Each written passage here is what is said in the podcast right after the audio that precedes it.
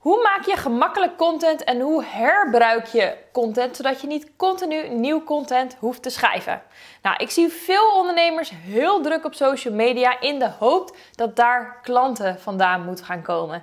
Ik ben zelf geen fan om hier altijd heel erg druk mee te zijn en om altijd zichtbaar te hoeven zijn.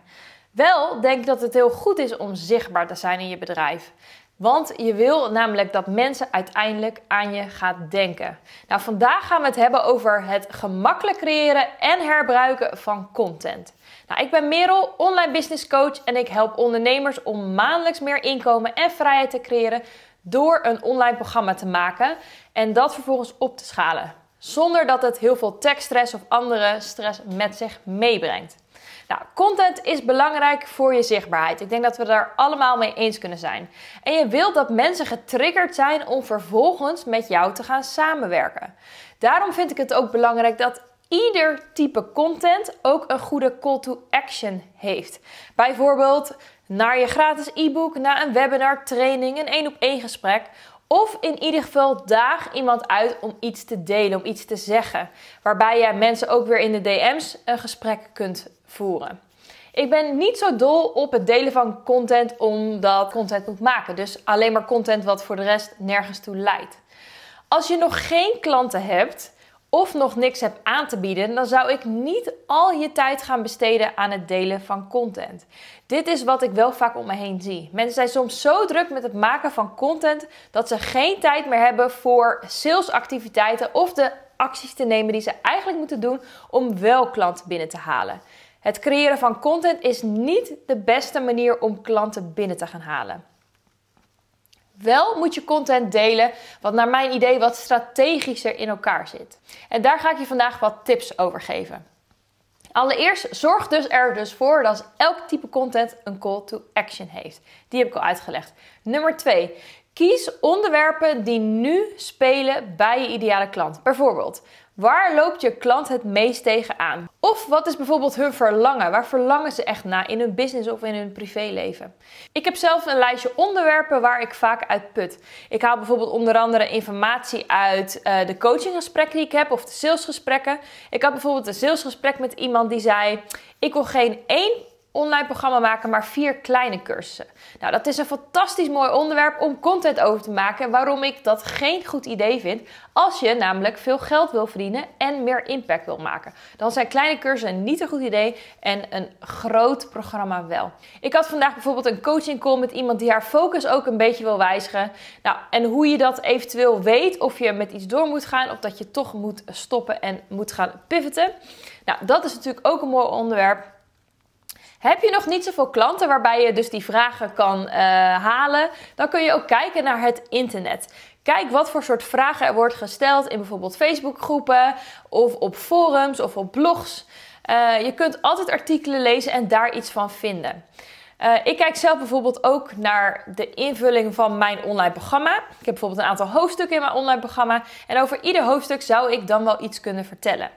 Maar het meest powerful is Geef aan wat bijvoorbeeld niet gangbaar is. Bijvoorbeeld, ik heb een klant die er niet voor is om vijf of zes kleine maaltijden per dag te eten voor een gezonde uh, levensstijl. Maar hij zegt, je moet juist drie volwaardige maaltijden eten en de tussendoortjes skippen. Nou, dat is dus een prachtig onderwerp waar je dus iets van jouw speciale zienswijze, wat niet aansluit op wat misschien iedereen denkt, uh, wat dat is. Dat is een heel mooi onderwerp voor bijvoorbeeld content. Nou, voor mij geldt bijvoorbeeld, ik ben er niet mee eens dat je dus eerst heel veel op social media moet gaan posten, veel volgers moet gaan opbouwen voordat je moet gaan lanceren. Dat is bijvoorbeeld ook een andere visie dan bijvoorbeeld andere business coaches hebben. Uh, en dat zijn dus mooie onderwerpen om content voor te creëren. Wat je ook goed kan doen, is dat je gaat kijken bij je conculega's, bij je concurrenten. Kijk naar hun podcast of hun blogtitels. Daar haal ik bijvoorbeeld ook veel inspiratie vandaan. Ik lees of ik luister eigenlijk bijna nooit naar uh, wat ze te schrijven hebben. Maar de titel aan zich geeft mij alweer heel veel triggers. En denk, oh ja, daar kan ik wel een onderwerp over geven. Nou, in één uur tijd is het echt makkelijk om 50 onderwerpen te bedenken. Genoeg voor een heel jaar. En weet dat de manier waarop je de heading schrijft, is het aller, allerbelangrijkst. Want een heading moet nieuwsgierig maken. Nieuwsgierig om te gaan lezen, te luisteren of te gaan kijken. Een saaie heading opent geen e-mails en zorgt ervoor dat mensen geen actie gaan ondernemen. Stap 3, wat ik vervolgens doe, is dat ik één onderwerp pak per week. Ik maak er dan ongeveer een 5 minuten video, video van en die verspreid ik dan op de verschillende kanalen. Nummer 4, het verspreiden van mijn social media plan. Nou, ik gebruik mijn video wekelijks voor mijn e-maillijst. Ik e-mail mijn uh, e-maillijst in ieder geval één keer per week met mijn videocontent. Nou, voor een Facebook post gebruik ik ook deze video. Ik plaats hem op Instagram TV. Ik gebruik de video op LinkedIn. Ik gebruik de video op YouTube. En ik zet de video op mijn blog. En mijn blog heeft dan ook weer elementen waardoor mensen mijn weggever gaan downloaden. Zodat ze ook op mijn e-maillist komen. Nou, en wat je eventueel ook kunt doen is dat je in de week dat je dat onderwerp post, kun je bijvoorbeeld ook nog andere Instagram posts maken over dat onderwerp. Nou, als je dit gaat doen, zorg je ervoor dat je één video creëert met een goede call to action, wat uiteindelijk dus overal zichtbaar is. Het voelt dus net voor jouw ideale klant alsof je overal zichtbaar bent. Nou, zorg wel dat er een goede call to action staat onder je, je videobeschrijving. Dus bijvoorbeeld naar je webinar, naar je één op één, naar je programma. Zodat het ook echt strategisch is en dat mensen de volgende stap met je kunnen gaan zetten. Nou, op deze manier heb ik zelf echt nooit te weinig topics wat ik gebruik.